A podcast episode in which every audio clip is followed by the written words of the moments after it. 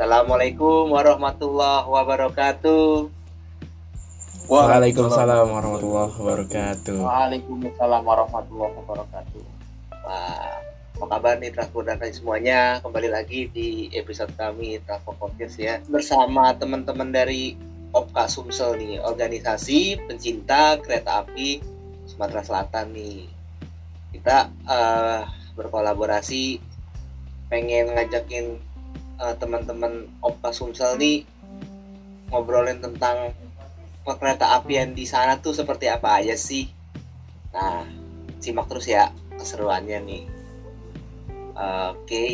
um, kita mulai sih biasanya kita nanya-nanya tentang profil dulu ya tentang Opta Sumsel tuh seperti apa sih kegiatannya juga kayak apa aja sih nah terus uh, kan kalau nggak salah nih ya kalau yang aku tahu ya soal kereta api di Sumatera Selatan nih sekarang juga lagi nge-hype-nya livery vintage juga nih. Nah, nanti mungkin bisa dijelasin sih.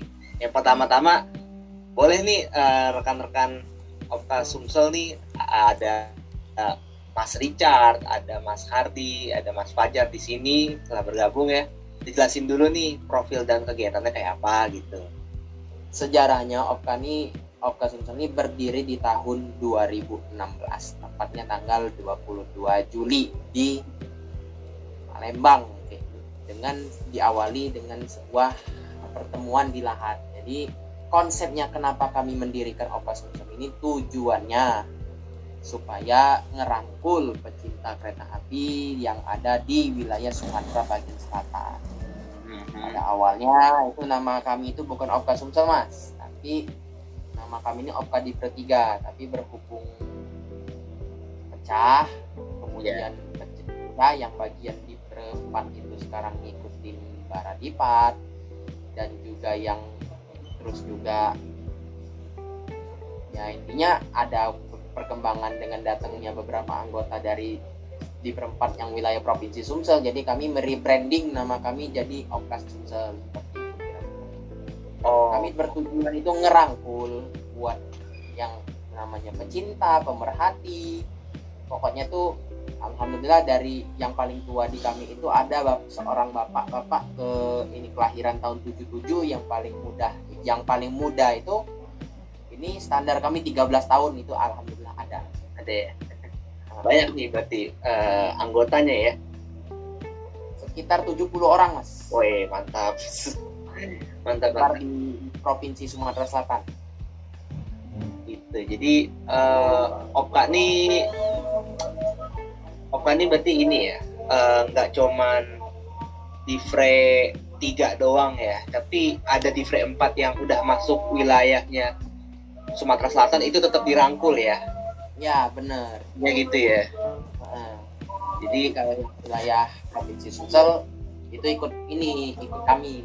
Hmm, gitu gitu. Ngerti ngerti ada beririsan gitu ya sama Baradipat ngerti ya. Kalau ya, yang tempatnya ya, bebas sih mau ikut Baradipat atau ikut kami. Cuman yeah. berhubung milihnya ikut kami ya udah kami tetap terima kami ngerangkul. Nah oh, cara betul. kami ngerangkulnya itu merebranding identitas bukan Opka di bertiga tapi Opka Sumsel Sumsel rebranding nah, terus kalau untuk kegiatannya apa aja nih? Selain uh, apa bisa dibilang hunting ataupun um, jaga perlintasan gitu ada nggak sih? Kalau jaga perlintasan enggak sih mas. Kami itu bukan ini tapi tertib perlintasan. Karena kalau jaga perlintasan. nah. itu ada namanya petugas jaga lintasan. Ya betul tapi kalau tertib perlintasan itu kegiatan rutinan tahunan terus juga tahun ini hmm. kami kolab kolab dengan CSR KAI mengadakan kegiatan bersih masjid sudah dilakukan di dua masjid yaitu di masjid Musola Ar-Rahman di Prabu Muli sama di Masjid Al Muklisin di Lahat. Wah, kami juga ada kegiatan sosial, terus juga nanam pohon, terus juga kalau misalnya ada bencana alam kami mencoba ngebantu dengan kemamp dengan kemampuan kami seperti itu. Hmm. Terus juga soal very vintage tadi kan sempat nyinggung, yeah. kami collab kami itu sebenarnya collab dengan banyak komunitas relpen lain juga bukan cuma bergerak sendiri Nah, yang livery vintage kami collab sama yang namanya IRPS Indonesian Railway Preservation Society. Jadi ya project CC 202 Vintage ini proposalnya kira-kira bagusnya lock yang mana itu collabnya antara kami dengan IRPS terus juga ada nge ngebikin bantu ngebikin berita-berita itu collabnya dengan GM Marka. Hmm. jadi saling menguntungkan sesama komunitas Repen lah kira-kira iya betul betul. Itu kalau boleh ceritain itu tentang vintage sama IRPS tuh gimana ceritanya tuh? Jadi ceritanya IRPS itu kan ada program tuh hmm livery vintage lah. Yang pertama kan CC 20169 itu kan berhasil kan ya? Ya, di Jawa. Nah, dicoba mau ke mau dicoba mau ke Sumatera. Pertama BB 200 dulu, BB 200 nya Balayasa. Hmm. Itu inisiatif Balayasa bukan inisiatif dari IRPS.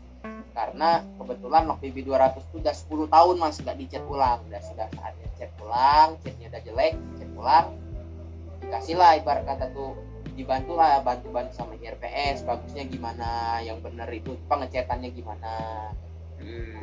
itu bulan April BB 200 nah kemudian kayaknya dalam rangka memperingati 35 tahun Baba Ranjang CC 202 Pintek yang diiniin yang dibuat yang dipikirkan terus juga gimana konsepnya berapa lokomotif nah akhirnya dapat satu set tiga satu dua pintik yang sampai saat ini belum pernah terpisahkan gitu loh. Iya. Ada uh, nomor berapa aja? CC 202 nya itu yang babaran yang itu?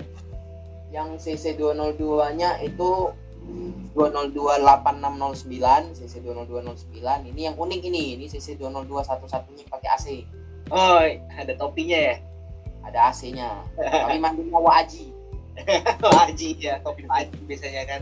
Nah, terus satu CC 20217 CC 2029002 nomor barunya. Uh-huh. lalu CC 202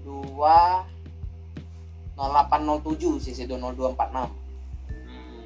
keluaran tahun 2008 itu masih bergandengan tuh ya sekarang uh, untuk sampai ini iya sampai detik ini masih bergandengan bergandengan nggak nggak nggak pernah ngebelang-belang gitu uh, solid juga ya berarti ya. Dia ya oh, aku baru tahu tuh soal yang emang sih kemarin uh, lagi rame ini apa yang jet livery vintage 202 cuman nggak tahu kan uh, cuman tiga gitu. Kira kan oh dipakai kalau yang foto oh dipakai berbaranjang aja gitu. Oh mungkin ntar buat penumpang kali gimana kali. Terus belum ada lagi sih kabar-kabar sekarang sih. Gara-gara ketutup gara-gara ini CC 201 uh, pas ke Jakarta itu langsung ramenya ketutup gitu. Padahal kan hampir berbarengan tuh jaraknya tuh. Waktu kemarin tuh. Uh, sekitar bulan apa sih? September atau Oktober ya? Lupa deh. Kalau kalau salah Oktober ya? Iya Oktober. Oktober ya? Nah terus, terus nih uh, ini Azam nih mau nanya-nanya lagi Zam. Oke, uh, oke bang. Sebelum kita menyelam lebih dalam nih ya, kan ada pepatah jas merah ya. Jangan sekali-kali melupakan sejarah. Nah, uh, kita ini penasaran nih bang, akan sejarah sama perkembangan perkereta apian di Sumatera Selatan. Nah, mungkin abang-abang bisa jelasin ke kita. Ya, kalau bicara sejarah, sebenarnya itu kan sejarahnya kan dah panjang tuh dari tahun 1914. Iya. Itu pada masa itu pemerintah kolonial Hindia Belanda kan bikin rel tuh dari Pelabuhan Panjang tujuannya ke Palembang. Hmm. Tujuannya supaya apa? Tujuannya supaya komoditas-komoditas itu cepat bisa lebih cepat lah sampai ke pelabuhan untuk kemudian diekspor ke Belanda karena di Sumatera Selatan ini dah dari dulu itu terkenal sama yang namanya hasil bumi. Entah itu entah itu hasil kebun entah itu hasil hutan entah itu hasil tambang. Itu. Nah jadi pemerintah kolonial Hindia Belanda ngebangun rel kemudian bertahap bertahap yang dari stasiun Kertapati ke Prabu Muli dari Pelabuhan Panjang ke stasiun Tanjung Karang terus terus terus terus terus sampai akhirnya tahun 9 Februari tahun 1927 apa ya, kalau nggak salah ya. Itu dipertemukanlah rel perkereta apian di rel antara Palembang Tanjung itu di stasiun Lambang Numpu. Lambang Numpu ya. Iya, jadi kalau kalau teman-teman transport podcast itu tahu sama secerita Trans-Pacific Railway-nya Amerika yang ketemu ketemu antara rel dari pantai barat pantai timur ketemu di negara bagian Utah Utah iya, itu kurang lebih ceritanya sama persis nah, iya. sama persisnya kenapa karena pada saat itu di stasiun Lambang Lumpu itu di di tempat pertemuan itu dipasang pendrol atau paku emas itu sebagai oh. penanda penanda ketemunya dua jam ini ketemunya Palembang Tanjung Karang tadi hmm. Masih ada nggak tuh pakunya? udah gak ada kali. Nggak ada lagi sekarang udah petrol standar semua. oh, dari dari situ. Terus terus gimana itu mas? Ya. Sampai kemudian setelah itu sampai apa? Sampai pas udah apa masa kemerdekaan dan seterusnya gitu. Uh, perkembangannya kayak gimana tuh? Di sini saya di sini saya mau cerita pelan-pelan nggak langsung ujuk-ujuk ke masa kemerdekaan tuh nggak. Tapi tapi kita ke lematang maskapai dulu ya. Jadi ceritanya okay. suatu ketika para pemerintah kolonial Hindia Belanda ini sekitar tahun 1920-an itu ketemu sama orang-orang di daerah tepian Sungai Lematang ceritanya itu. Sungai Lematang itu kalau nggak tahu di daerah Lahat sama Lahat Morinim di itu kenapa kok banyak batu-batu hitam gitu kan? Koknya bagus kayaknya apa jangan-jangan batu bara. Ternyata setelah digali lebih lanjut sama pemerintah kolonial Hindia Belanda ternyata ditemukanlah batu bara di situs tambang Bukit Asam saat ini. Saat itu namanya Lematang Maskapai. Lematang Maskapai. Nah dari Lematang Maskapai itu kayaknya asik nih kalau misal ini bagus nih kalau misal dibangun rel. Dibangunlah pula rel dari Kertapati dari Prabu Mulih Nyabang ke Muara ini Muara ini sampai Tanjung Enim juga ya? Tanjung Enim, Tanjung Enim itu buat ngangkut batu bara. Uh. kemudian ada yang terus lagi dari Muara dari Tanjung Enim itu kan belok kiri tuh. Hmm. terus nah terus lanjut lagi tahun 30-an tahun 1930 kalau nggak salah itu dari sampai ke Lahat kemudian sampai tahun 1937 sampai ke Lubuk Linggau. Gitu. buat sama dengan yang tadi tujuannya kalau sampai Lubuk Linggau itu buat komunitas. Sama misalnya ada apa-apa asumsi amin-amin lah diserang negara lain pasukan Hindia Belanda itu bisa cepet lah mobilisasinya. Selain menyangkut barang. Betul betul setelah setelah relnya jadi tahun 45 kan tahun 42 agresi militer Jepang tuh. Betul. Agresi militer ini Jepang masuk. Nah lok-loknya dipindah sama Jepang ini. Ada yang dipindah ke Myanmar ada yang pindah ke Thailand gitu kan. Nah, kalau yang untuk masa penjajahan Jepang ini literaturnya kalau kami kurang menguasai apakah cukup banyak atau enggak itu kita skip aja ya yang masa penjajahan Jepang ya. Soalnya nggak dari literaturnya kami nggak mau asal ngomong siap. Iya. daripada menyesatkan kan nanti jadi dosa jariah kan? Iya iya, iya benar benar udah jadi masuk ke masa-masa agresi militer pasca kemerdekaan itu kemudian tentara tentu kemudian ini ada sempat ada cerita nih jalur rel yang disabotase sama pemerintah republik hmm. eh ada yang datang baru baru datang ke sini itu salah satu dari empat member cewek yang kami punya Wih. Di Oka ini bukan cuman cowok bukan cuman pure cowok tapi juga ada ceweknya Halo, Oke, kita lihat lagi nih Mas. Mas Richard. Oke, ini tadi masa pasca kemerdekaan ya. Iya, yeah. 45 ke sini. Nah, di pasca kemerdekaan masa setelah kemerdekaan itu ada cerita unik nih mas jadi beberapa rel itu di seluruh Sumatera bagian selatan itu disabotase oleh pasukan Republik Indonesia waktu pas ini dong sabotase ah, ya? Huh? itu zaman-zaman masih zaman-zaman 45 sampai 50 kan atau gimana tuh disabotasenya? Ya, 45 45 50. Pas Belanda mau datang lagi kan ya? Ya, itu gimana caranya Belanda jangan sampai lah sampai ke datang ke bagian Sumatera Selatan gitu. Hmm, sampai kuasai Sumatera Selatan gitu. Jadi mobilisasi pasukannya terhambat, terhambat gitu. Mungkin kira-kira mirip sama Bandung Lautan Api lah kira-kira. Iya jalan-jalan dihancuri Belanda tuh nggak bisa lewat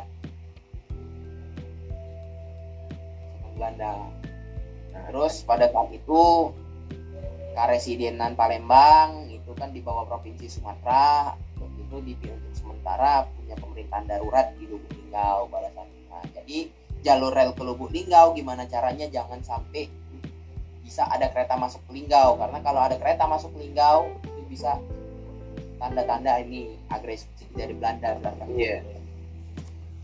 Dan 1949 konferensi meja bundar Belanda mengakui kemerdekaan, relief dibangun lagi untuk pemenuhan negara Indonesia pada setelah kemerdekaan. Hmm. Seru juga ya. Bang, pelan-pelan tahun ya. Terus ngelanjutin apa yang Belanda lakukan pada saat itu PNKA ngangkut batu bara dari dari lematang maskapai tadi yang dinasionalisasi jadi hmm. PN Taba perusahaan nasional tambang arang bukit asap hmm. itu dari lalu dari PN Taba tadi jadi PT PTBA tahun 1960-an pakai lok D52 dengan gerbong gerbong 30 ton 65 itu Rumania. Bawa batu bara dari ini dari Tanjung Minim ke Labuan Panjang kemudian dari Tanjung Minim juga ada yang ke Kertapati Palembang. Karena dirasa kayaknya ini perlu ditambah terus juga PN Taba tadi pengen nambah angkutan. Jadi lahirlah Babaranjang pada tanggal 1 Oktober 1986 dengan gerbong yang lebih besar lokomotif yang lebih besar rangkaian yang lebih panjang. Itu tahun 1986 nah terus kalau misalnya apa namanya tuh eh, angkutan penumpang tuh ceritanya gimana tuh angkutan penumpang di Sumatera Selatan tuh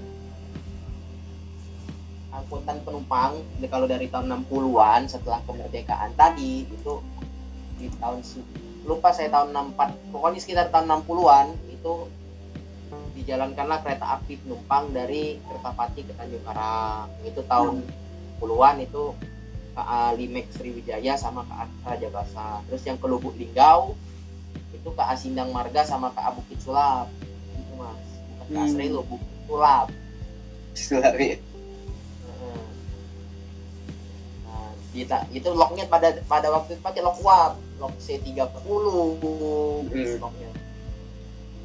Nah, terus di tahun 68 lok BB202 datang lok diesel pertama di Sumatera itu yang jadi logo kami sekarang lok BB202 oh ini yang sekarang ini iya yeah. oh dari situ asalnya ya nah, iya itu lok diesel elektrik yang pertama di Sumatera kalau lok yang termasuk juga lok yang fresh lah yang lok diesel yang baru dari pabrik pabrik yang langsung didatangkan ke Sumatera itu BB202 Kan kalau soal meyakinkan bahwa lok PB202 ini diesel pertama di Sumatera itu kami masih ragu karena ada literatur lain yang ngomong bahwa sebelum tahun 68 PJKA itu mindahin beberapa lok BB300 itu dari dari Jawa ke Sumatera Utara. Cuman ini masih diragukan, gitu. masih masih 50 lah kasarnya. Kami belum ketemu literaturnya jadi belum bisa memastikan. Uh kami belum berani ngomong BB202 ini lock diesel pertama di Sumatera tapi lock diesel elektrik pertama di Sumatera. Iya betul. Hmm, kemudian tahun 68 lock, lock KA Sriwijaya dan Raja Basa tadi pakai BB02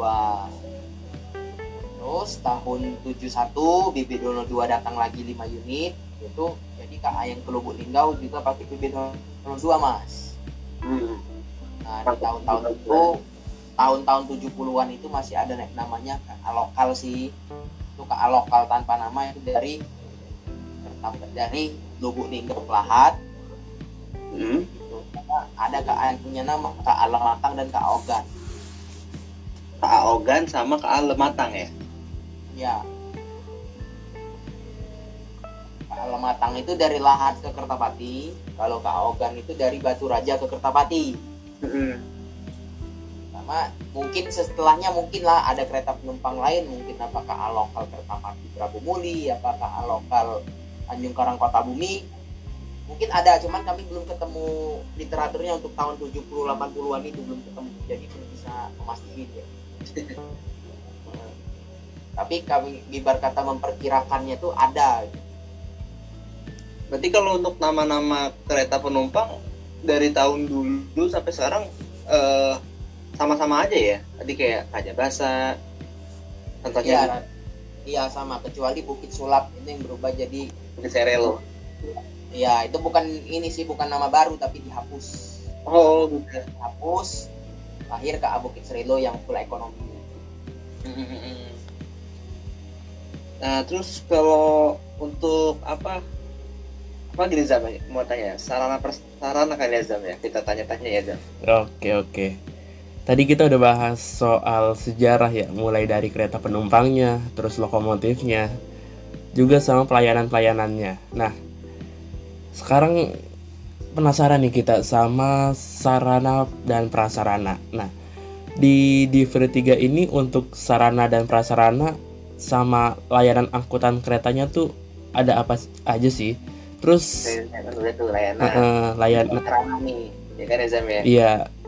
Nah, terus sama boleh dong dijelasin ke Transbro dan Transis satu persatu eh, tentang sarana dan prasarana kayak tadi.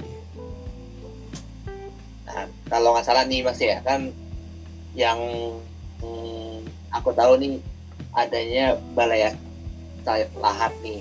Nah, tuh boleh jelasin juga nggak tuh tentang balai lahat tuh? nah Balaya Salahat ini mau diceritain gimana nih kira-kira nih Dan, ah, dari awal sampai akhir juga boleh lah. Bebas kita mah. Iya. ya jadi sedikit cerita ya Balaya Salahat itu sebenarnya Balaya Sapurworejo yang dipindahin Oh, gitu ya? Loh. Iya dulu tuh sebenarnya karena bikin balayasanya itu di Purworejo buat perbaikan lokomotif, buat perbaikan ini. Cuman berhubung pada saat itu ZSS Zuid Sumatera Transport Wagon itu bikin rel di Sumatera Selatan, tapi belum ada fasilitas perawatan sarana bengkel. Jadilah yang rencananya di Purworejo itu malah dipindah ke Lahat. Oh, begitu ceritanya. Iya. Oh. Jadi termasuk orang-orang Purworejo itu pindah ke Lahat. Itu Ahardi itu kan orang Lahat tuh. Nah, mbahnya orang Purworejo, orangnya Purworejo terlibat dalam workplace kalau nama bahasa Belandanya dulu Malaya Salahat. Silakan nih Ahardi mau cerita lah mungkin kan kan orang Purworejo. Gak apa-apa ya, lagi di jalan ini soalnya. Santai Jadi, aja. jadi gini mas, kedengeran nggak mas? Kedengeran kedengeran. Jadi gini ceritanya itu, kalau dari Mbak itu awalnya memang kerja di di sama orang Belanda di Purworejo gitu. Memang dipindahin ke sini buat bantu bantu bikin balai asa sama jadi pekerja balai asa gitu. Terus turun sampai ke anak-anaknya sampai ke bapak makanya di di lahat di lahat ini ini mas apa namanya ada yang nama daerahnya itu daerah Talang Jawa yang artinya pagar pagar orang Jawa gitu Oh, ada ya. Itu orang-orang Purworejo pindahan ke situ semua ya. ya rata-rata orang dari Purworejo bahkan mungkin Jawa yang lain mas Iya, Jawa Tengah ya. Rata-rata. Hmm, pokoknya rata-rata Jawa Tengah jadi isi di lahat ini ya 75 persennya lah orang-orang dari Jawa. Jawa Iya. Oh, berarti memang ada transmigrasi saat dulu tuh ya. ya Nah, terus kalau sekarang di lahat tuh kayak gimana ya tuh, Mas? Eh, apanya mas kayak stasiunnya atau balai asanya gitu kalau yang mas tahu tuh kan orang lahat nih Kalau kalau stasiunnya alhamdulillah masuk stasiun besar walaupun masih kelas C ya kalau nggak salah. Terus kalau balai asanya alhamdulillah jadi balai asa terbesar di, di Sumsel untuk saat ini. iya mengakomodir ke Lampung ya Ya menga- mengakomodir loko dari punya Kertapati sampai punya Tanjung Karang, terus kereta dan gerbong di balai asa lahat untuk saat ini. wah boleh tuh kita kapan-kapan yang itu ya Zam ya. Jauh tuh Zam. Lahat jauh. Ada terowongan juga kan kalau nggak salah ya? Ya terowongan Gunung Gajah. iya. Tuh yang ke eh, jalan dari Prabu Lahat sampai ke Tinggal ya. Kalau Ya. Tinggal sendiri kayak gimana itu? Eh, kawasan stasiunnya kan dia stasiun akhir ya? Stasiun akhirnya kalau nggak salah sampai batas rel akhir itu di Pertamina Lubuk Linggau ya? Iya benar nggak sih? Ya itu bisa Mas Richard yang jelasin karena warga Linggau asli. Wah, mantap mantap. Mas Richard lagi nih. Gimana kalau di Lubuk Linggau tuh Bang? Ah, ini? Benar bahwa rel paling ujung di Sumatera Selatan itu saat ini ada tiga titik sih. Satu Hmm. satu di dekat-dekat Pelabuhan Panjang itu di tempat penurunan lok CC 205 itu Iya. terus satu lagi di Kertapati lalu satu lagi di Lubuk Linggau tepatnya di dalam depo Pertamina Hmm. lalu Deponya udah dari zaman lama itu. apa mas Deponya udah dari zaman lama. Apa dari zaman Belanda gimana? kurang kopi sejujur kurang kopi antara depo Pertamina ini dari zaman kapan Hmm. Jadi bisa jadi dari zaman Belanda bisa jadi juga dari setelah kemerdekaan. Intinya kenapa ada depo Pertamina itu? Karena buat distribusi bahan bakar minyaknya Pertamina dari dari pengok refinery Sungai Gerong ke seluruh Sumatera bagian selatan. Salah satu stasiun penyaluran distribusi bahan bakarnya itu di Lubuk Linggau Oh iya, itu ya. Untuk juga mengakomodir ya kawasan-kawasan sekitarnya ya. Kayak misalnya mungkin Bengkulu atau apa gitu. Iya benar ngakomodir Bengkulu, ngapo- ngakomodir sebagian Jambi itu yang dari Lubuk Linggau. Kalau dari Lahat ada juga stasiun BBM di Lahat tuh Hmm.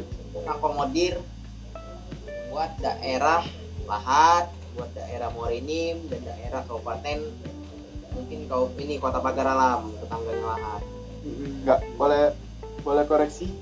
Oke. Boleh boleh kan? Yang di lahat itu Pertaminanya untuk ngakomodir Leki Pali, Mas. Lematang, Kikim, Pasemah, ini apa namanya? Apa ya? Lupa ya. Leki Pali, Lematang, Kikim, Pasemah. Kalau nggak salah satu lagi tuh ini apa apa ya lupa. Pokoknya yang ngakomodir dari Lahat, daerah sekitaran Kikim, terus Pagar Alam. Pasemah itu Pagar Alam tuh. Terus Muara Enim gitu. Ya dari situ pokoknya layak tuh kurang tahu juga sih. Bener aku bener aku tadi berarti weh. ya kalau kalau ininya kalau disingkat sih ya lebih pali gitu Bali. Nah, Lematang, Kikim, Pagar ini Pasema, alinya nih ilir ilir ilir ilir Bukan Oh. ini. lilinya tuh ilir daerah merapi dan sekitarnya Hmm. Oh, iya. Nah terus sama apa tuh yang lagi unik yang uniknya di di Fre 3 tuh PTTL yang lokomotifnya hijau itu masih ada nggak sih? masih ada cuman dalam status yang ya Nggak jelas. nggak bisa dipakai nggak bisa jalan nggak bisa dipakai di terpal Oh begitu sekarang kabarnya. iya jadi sekarang locknya itu rusak lock PTTL itu dengan tiga hijau itu Iya. cuman ada satu yang bisa jalan itu gudang tarahan buat lock langsir bukan untuk dinas jauh sekarang PTTL itu kalau buat lock dinasnya dia pakai locknya KAI kalau nggak CC 202 CC 204 Hmm gitu. Jadi eh dia itu ini nggak sih apa beli beli lok- lokomotif 203 itu dari dari KAI atau enggak sih? Kan dari dari KAI soalnya ada foto kami pernah ketemu foto tuh Hmm. itu CC 203 nya masih ada logo Z di LH nya Hmm, jalan perumka ya. jadi jadi itu PT apa sih Tanjung Enim Lestari ya, Pulp ya. Uh, TLPP kepanjangannya TLPP sih Tanjung Inim Lestari Pulp and Paper Iya, Pulp and Paper. Nah, jadi itu dia dia tuh bikin pabrik, lalu dia bikin eh, jaringan rel juga ya. Nyambungnya ke stasiun apa sih? nyambungnya itu ke stasiun Niru kalau Niru. buat yang kalau yang pabrik ya kalau yang pabrik ya Hmm.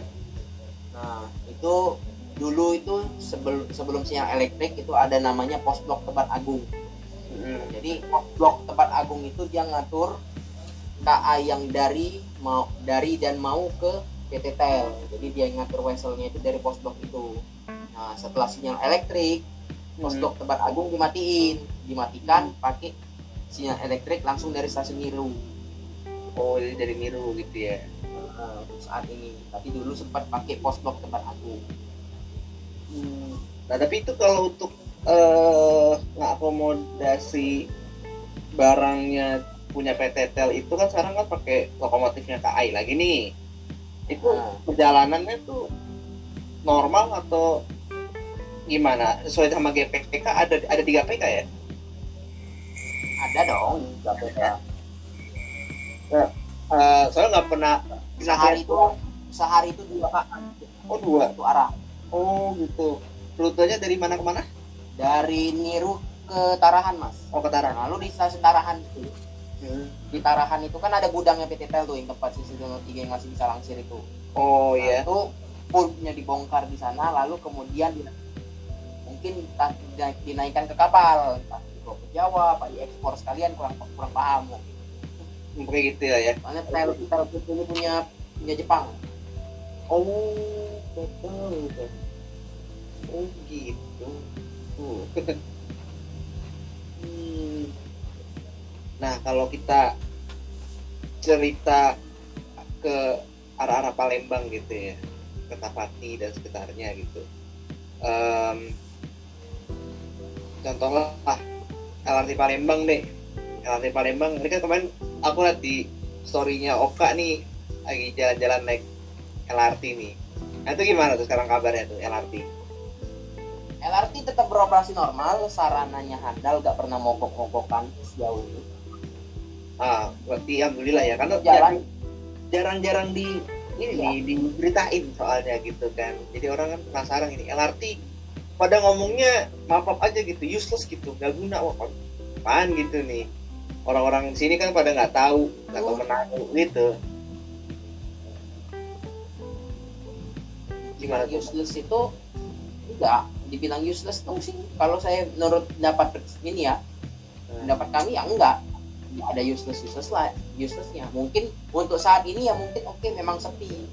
Cuman Sepi. kita lihat dulu faktor sepinya itu dari mana nah Hmm. itu stasiun LRT itu kan lebih sekarang kan di jalur ini tuh jalur yang padat perkantoran jalur yang padat sama ruko dan toko bukan dekat pemukiman sementara dari pemu- pemukiman ke tempat yang ada perkantoran ada toko-toko itu pusat ekonomi itu transportasinya kurang bagus Mereka iya. cuman ya, angkot kayak gitu kan iya transmusi juga transmusi juga ada integrasinya cuman nggak terlalu masif lah gitu. Contohnya integrasi antara EM transmusi karena juga di Palembang juga ada tuh semacam TJ iya. namanya transmusi itu beberapa rutenya integrasi dengan LRT cuman dari transmusinya sendiri agak kurang ini kurang apa nih? Kurang bisa lah berinteraksi soal berintegrasi lah ada satu rute integrasi yang agak bagus itu dari terminal Sako ke stasiun Asrama Haji jadi oh dari penumpang yang dari, dari arah terminal Sako itu naik ke bus, naik ke Hmm. bus Transmusi, lalu kemudian diturunkan di stasiun Asrama Haji, lanjut naik LRT. Yang kurang bagus itu lebih ke integrasinya aja sih, integrasi antar moda, makanya terlihat agak sepi karena ya dia berada di wilayah tengah-tengah perkokoan, melewati perkantoran, bukan melewati pusat pemukiman. Karena karena mau bikin rute baru LRT koridor 2 apa koridor 3 untuk saat ini ya.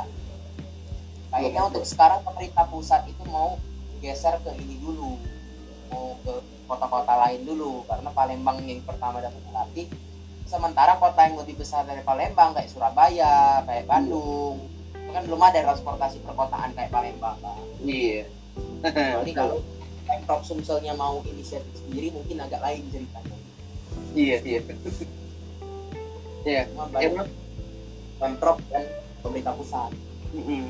Ini emang eh, banyak yang nanya-nanya juga sih ke, ke kita kayak soal eh, LRT gitu ya nah ini juga makanya aku mau bawain ke teman-teman Oka nih LRT itu seperti apa sih sekarang tuh Kan dulu kan katanya ah cuman momentum Asian Game doang waktu itu. Tapi kan ini sekarang udah jalan tiga tahun nih dari 2018 gitu.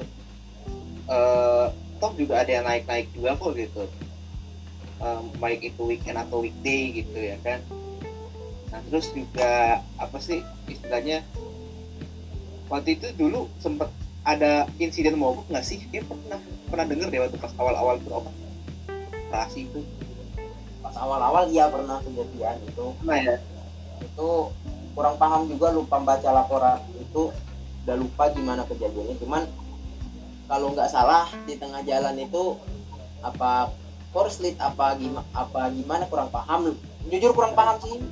Cuman intinya berhenti di tengah jalan terus penumpang itu diarahin lewat jalur evakuasi darurat yang di kiri kanan jalan LRT itu loh. Iya iya. Dari di antara peta jalan Polresta Jakabaring oh Terus saya ngeliat sendiri penumpang-penumpang LRT diturunin disuruh naik lewat jalan itu. Hmm. disuruh jalan kaki. disuruh jalan kaki itu. Mana tinggi lagi ya? Iya, cuman kan memang salah se- sebagai safety-nya itu tadi dibuat jalur pengaman di kiri kanan. betul betul betul. dari awal buat LRT itu sudah dirancang kayak gitu. benar itu katanya tiketnya kalau ke bandara beda ya katanya tiket eh, LRT Ke bandara 10.000, ribu, sepuluh ribu tapi kalau selain ke bandara berapa 5.000 ribu. lima ribu oh flat ya semua itu flat Misal kita dari asrama haji ke Jakabaring 5.000 ribu. Hmm. Asrama haji ke Punti Kayu sama 5.000 ribu juga. Hmm. Tapi kalau dari asrama haji, karena asrama haji itu dari sebelahnya se- itu peta jalan bandara, itu Hmm. dari asrama haji ke bandara 10.000 ribu. sepuluh ribu Nah, lalu dari bandara ke Jakabaring yang jauh itu juga sama-sama 10 ribu. sepuluh ribu Iya. tarifnya beda ya Iya, mungkin karena faktor ada pajak bandara apa buat pengembangan bandara juga kurang paham lah. iya belum terlalu tinggi untuk mencapai mencapai situ. Iya iya iya. nah eh aku juga mau ngomongin soal ini sih mas terkait kalau kita ngobrolin ke depannya kereta di Sumsel nih kira-kira eh ada operator-operator swasta lain lagi nggak sih yang mau bangun jalur batu bara nih katanya kan sempet tuh kemarin tuh lihat di berita internet tuh eh, mana ya operator swasta gitu ya mau bikin jalur jalur dari Tanjung Enim untuk khusus batu bara ke Palembang gitu. Baru lagi jalurnya tapi nggak tahu sih. Ini jadi atau kagak nggak tahu sih gitu. Terus juga ada rencana juga nggak sih kalau misalnya dari pihak daop eh daop lagi divre divre 3 itu mau ngembangin jaringan kereta api baik itu ya kereta api ke Palembang ataupun ke mungkin Bengkulu ataupun ke sekitar-sekitar eh, Palembang itu. Kan sekarang kalau Palembang adanya Indralaya ya yang yang pakai rel rel bus itu ya yang ke apa sih eh Unsri ya Unsri kalau nggak salah ya nah itu ada nggak sih Benar, benar. Enggak, benar ke Indralaya tapi nggak sampai Unsri. Iya di ujungnya ya deket Unsri sih. Dengar-dengar tuh ada nggak sih? Aku sih cuma baru dengar itu doang sih yang kata ada operator swasta mau bangun jalur khusus batu bara gitu dari Muara Enim sampai ke Palembang gitu. itu PT Serpo ya itu sedikit ngasih tahu nih nama perusahaannya itu PT nah Hmm, itu memang sempat dengar sih wacananya sampai double double DDT malah bukan Iya. sekedar satu track doang tapi itu sudah sempat tahun 2017 apa 16 itu udah sempat groundbreaking ya di daerah di daerah Kabupaten Morenim di daerah Lubai itu sudah groundbreaking Mm-mm. Nah, itu tapi kenyat, tapi sepertinya saya kurang ra- yakin sih gitu bakal jadi apa enggak. Soalnya setelah saya lihat ke ini ke mana nih ke tempat groundbreakingnya itu sekarang udah nggak jadi nggak tahu lah jadi apa sekarang tempat groundbreaking itu. Hmm, belum jadi berarti ya, Ya, belum, lanjut ya. ketutupan, udah ketutupan. Kayaknya nggak besar dengan batal. Betal, program besar betal. Eh, eh. Kalau nggak batal ditunda itu aja cuman belum tahu belum tahu kita lihat nanti dalam beberapa tahun ke depan mana Iya. kabar PTC Ya, kan mungkin ya demand juga sih kan masih bisa handle ya ya udah gitu itu PT PT mengangkut batu bara itu punya untuk saat ini punya dua opsi sih untuk Hmm. mengangkut batu baranya dari tambang ke pelabuhan atau ke tempat distribusinya itu satu lewat kret itu lewat jalan bikin jalan hauling sendiri jalan tambang. Nggak boleh lewat jalan umum ya sekarang ya. Ada peraturan perda provinsi Sumsel nggak boleh. Sama lewat kereta pilihan mereka tinggal dua sekarang. Apakah mereka mau berjudi investasi bikin ini bikin apa nih? Jalur jalur sendiri dari tambang ke pelabuhan. Mm-mm. Hmm. atau mau buat atau mau ngikutin batu baranya dengan kereta. Itu pilihannya. Oh, gitu. Ya banyak yang milih kereta. pasti ada juga sih beberapa perusahaan yang sampai bikin jalan ini atau juga ikut jalan jalan hauling perusahaan lain gitu loh. Nggak semuanya kereta.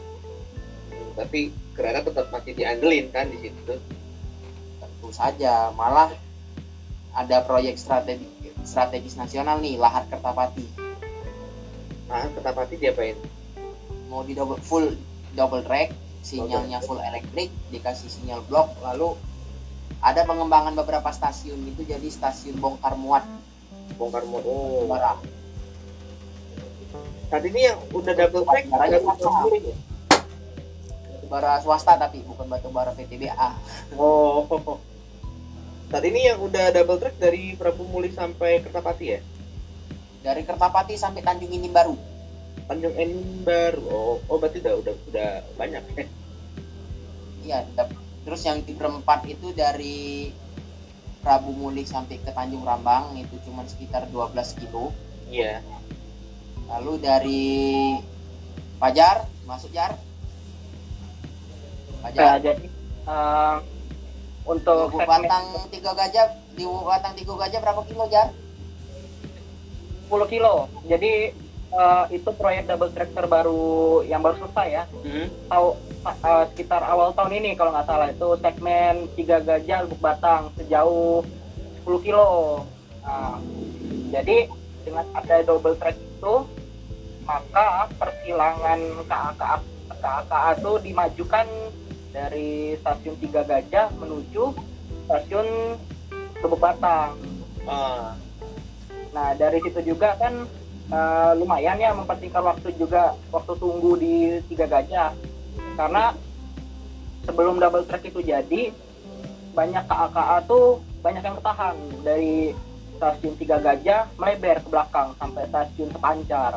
oh Nah, tapi setelah adanya stasiun Lubuk Batang Tiga Gajah ini double track, maka KA-KA itu bisa dimajukan antriannya hingga ke Lubuk Batang. jadi sekarang fre- frekuensi eh, kereta cukup ini dong ya cukup eh, banyak dong ya karena udah ya double track gitu Lumayan banyak. em, dalam sehari itu eh, untuk Babaranjang ya itu tripnya banyak ya trip isian dan kosongannya Hmm. mungkin bisa sekitar 40 itu ada tripnya dalam sehari belum lagi ada KA penumpang ya KA Raja Basa terus ada KA Tel kan hmm. pulang pergi sama KA BBM Pertamina kontainer ada juga kontainer kontainer kalau di sini tuh uh, KA kontainer di Sumatera Selatan itu difokuskan untuk menarik batu bara swasta kayak banyak uh, yang tadi Mas Richard bilang kan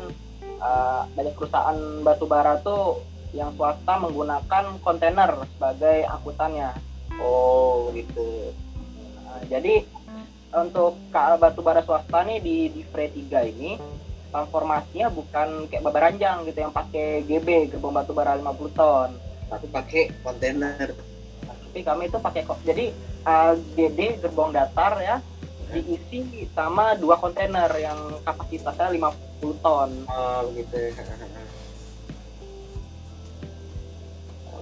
Nah, oh ya katanya juga ya di Divre 3 itu populasi CC206 itu terbanyak ya di Indonesia.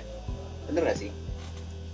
Uh, untuk depo depo lokomotif Kertapati memi, uh, sekarang ya kalau di kalau ditambah yang mutasian CC206 dari Sidotopo kemarin, uh-huh. jadi di depo lokomotif Kertapati itu sekarang punya 41 unit CC206 wow kadang juga make buat ini juga nih atau ngangkut batu bara juga nih ya jadi uh, CC 206 di di 3 ini memang total difokuskan untuk menarik batu bara seperti uh, suka cinta batu bara suka cinta tetap uh, simpang ya.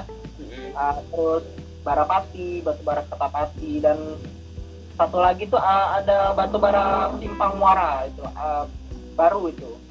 Jadi oh, uh, jadi metode personal di sini tuh gimana dibilang ya? ya memang tidak didinaskan untuk jatah alokasi dinas lain gitu. Memang full batu bara kecuali untuk misalkan kirim lokomotif dari Balai Salahat uh, itu biasanya itu tuh ikut sama ini KA BBM ya dari Lahat menuju ke Tabati. Hmm. Oh gitu.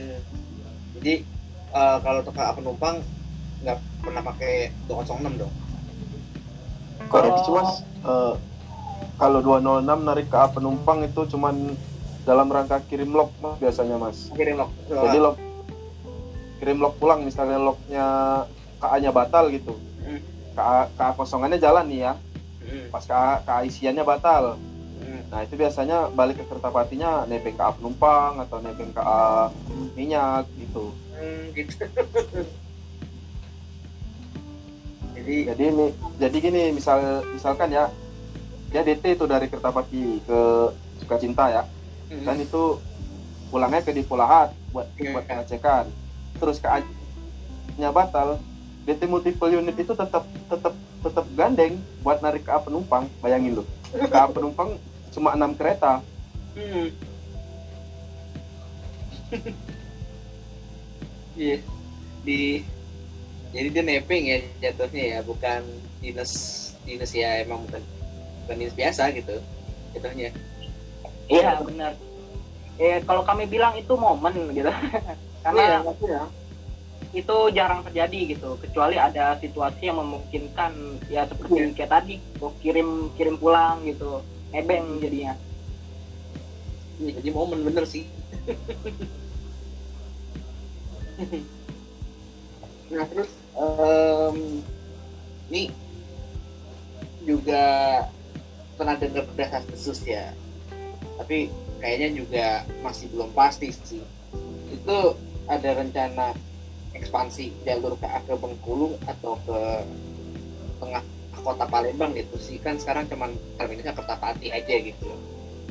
Atau lanjutin gitu dari Kertapati lanjut ke daerah uh, sisi timur Sumsel gitu. Ada nggak sih rencana kayak gitu? Untuk kereta ke Bengkulu ya? Iya ini ini proyek yang masih 50-50 sih soalnya dari soalnya yang untuk yang ke Bengkulu itu masih nyari investor. Oh gitu. Masih nyari investor terus juga siapa yang bangun apakah KAI atau Dirjen nah. itu masih tanda tanya gitu kan. Mau yang ke Bengkulu kalau Palembang lanjut nah, ke dari itu Palembang kota kalau ke Palembang kota kayaknya agak berat mas tapi kalau buat Trans Sumatera itu nanti insya Allah kalau lihat roadmapnya Dirjen BTP Ah. Sumbaksel itu insya Allah 2024 mulai konstruksi dari Palembang ke Jambi dari Kertapati ke Oh. Jambi lewat Simpang Oh. Ini kan dulu kan pelan kenapa ke Betung kenapa alasannya cuma sampai Kertapati karena nyebrangin sungai sungai apa Musi atau Ogan sih? dua-duanya sih soalnya stasiun Kertapati itu di, di pertemuan antara Sungai Musi dan Sungai Ogan Oh, oh, oh. Nah itu kan susah kan. dia tuh kalau Heeh. pernah ke stasiun Kertapati mas? Belum, makanya mau nanya-nanya ini. Oh, kirain pernah kalau maksudnya pernah kalau misalnya pernah kan datang naik kereta tuh Iya. sebelah kiri. Sebelah kiri itu Sungai Musi. Nah kalau kita terus tembak lurus dari peron penumpang itu Sungai Ogan. Oh, stasiun Kertapati itu di muara dua sungai. Tuh, keren ya. Jadi seperti itu. apa beranda kalau mau ngirim batu bara kan langsung lewat sungai gitu lanjutannya itu ya mak- makanya di lewat Sungai Musi itu untuk Ka'bah Tebara yang lematang maskapai tadi kan yang Ka'bah Rapati disebut Fajar tadi Tanjung Iya. Priok Kertapati Mm-mm. sama kak apa tadi ya. Ini sama yang swasta itu yang bau sama BMSS itu sama stasiun Simpang juga lewat Sungai Musi. Kalau buat yang Jambi tadi 2024 yang Bengkulu tuh masih tanda tanya lah kasarnya belum tahu batal atau enggaknya soalnya masih mencari investor. Tapi roadmapnya udah bener-bener fix ya gitu. Buat yang Jambi doang tapi kalau yang Bengkulu masih tanda tanya. Hmm, iya lebih emang katanya sih lebih fokusin ke, ke timur Sumatera ya? Tuh Trans Sumatera Railway sama kayak tol juga begitu kan Dirjen itu Dirjen namanya itu proyeknya Dirjen. Kalau yang ini kabar-kabarnya kemarin katanya Korel Korea yang mau bikin kota Padang Bengkulu cuman gak tahu deh jadi enggaknya masih tanda tanya tadi itu kan eh, iya kota Padang tuh udah masuk Bengkulu ya udah masuk provinsi Bengkulu Mm-mm.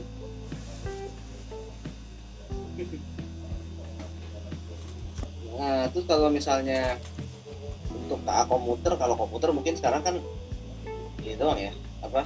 Kalau nggak LRT sama yang Indralaya itu ya, itu belum ada rencana lagi ya untuk jaringan itu ya. Belum ada deh kalau buat tidak buat Sumatera Selatan belum ada buat Lampung dengar kabar kemarin kalau mau ada ke Bandara Raden kan cuman nggak tahu nih Dirjen jadi nggak gitu. Iya.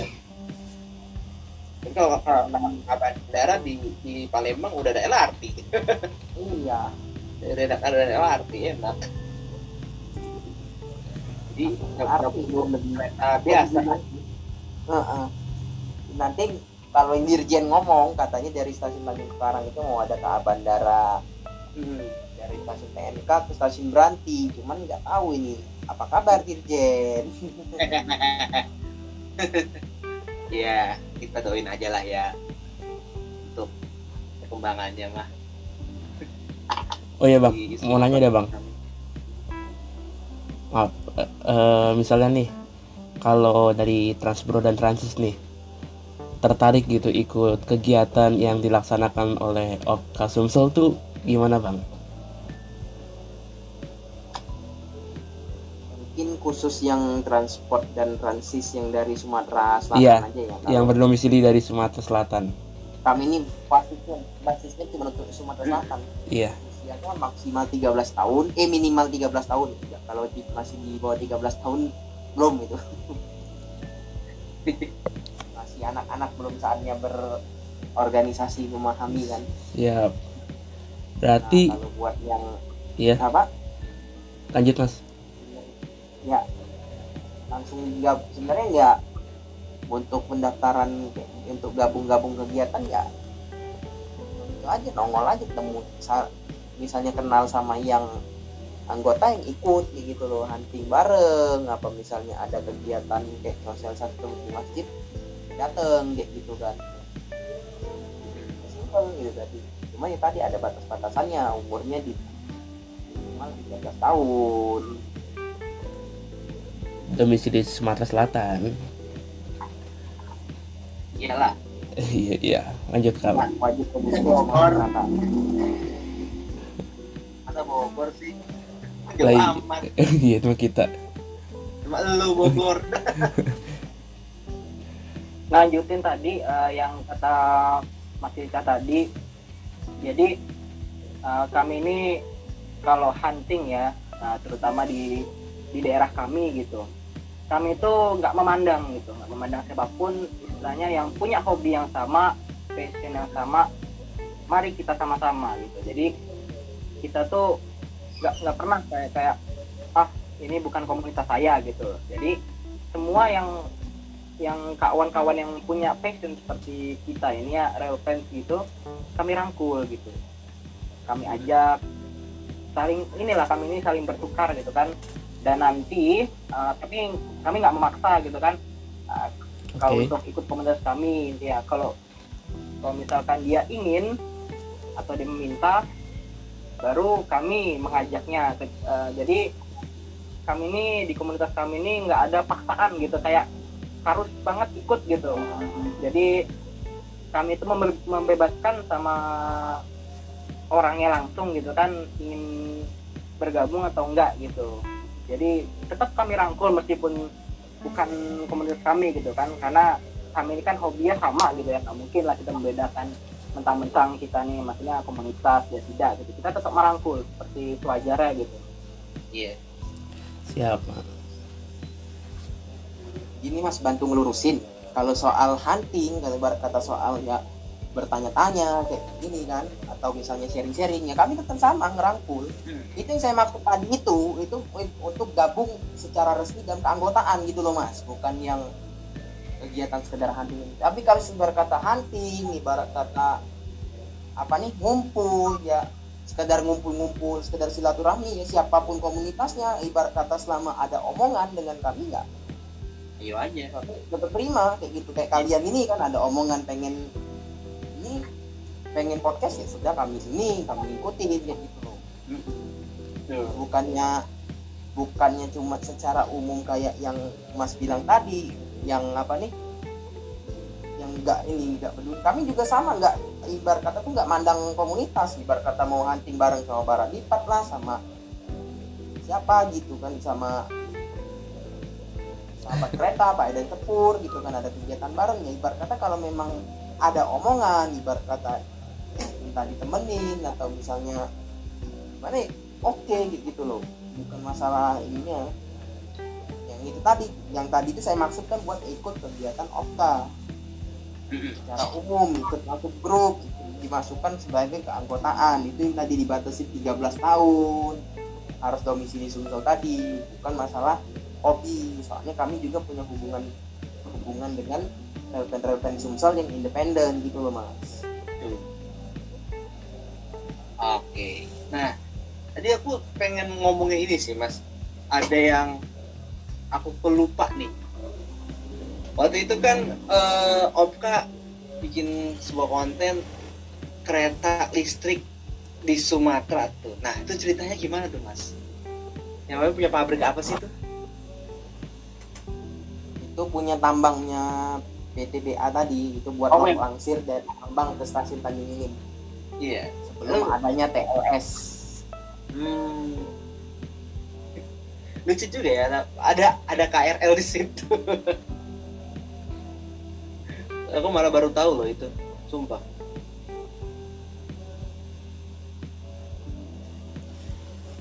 jadi itu ceritanya tadi buat ini min buat mindahin batu bara dari tambang PTBA ke stasiun Tanjung Inim nanti dari stasiun Tanjung Inim mau diangkut ke pelabuhan Kertapati atau pelabuhan Tarahan tadi. Iya. itu sebelum stasiun Tanjung Inim yang lama ditutup. Setelah Tanjung Inim lama ditutup loadingnya pak ini batu baranya dimuat lewat sistem TLS train loading station yang batu bara langsung ditumpahin pakai conveyor itu tadi. Iya. nggak lagi pakai kereta lori listrik Oke nih. Ini kita ngobrol-ngobrol mantep nih kayaknya udah hampir semua dibahas nih tentang perkereta apian di Sumatera Selatan lah ya ya. Nah, kira-kira uh, kalau di akhir-akhir tuh biasanya ada omongan pamungkas nih closing statement mungkin ada mau ngasih closing statement di sini kah singkat cerita aja perkereta apian Sumsel itu dimulai dari tahun 1914 rel kereta api dari dari Tanjung Karang ke Pelabuhan Panjang kemudian berlanjut berlanjut lanjut berkembang sampai akhirnya mengumpulkan dari Tanjung Karang ke Kertapati Tanjung Dingin dan Lubuk Linggau itu titik-titik terminus di Sumatera Selatan.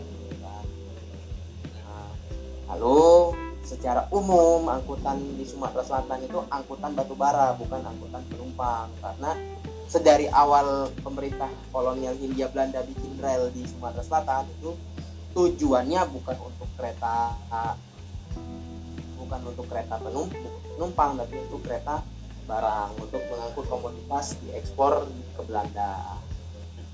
Lalu kemudian di tahun lalu kemudian dikembangkan adanya LRT kereta Babaranjang sampai kita kenal lah Sumatera Selatan dengan kereta apinya yang seperti yang kita kenal saat ini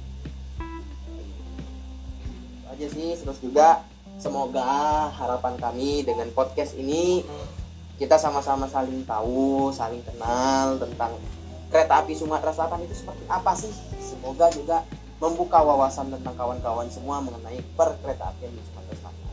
Amin. Nah, makasih buat ini transport podcast.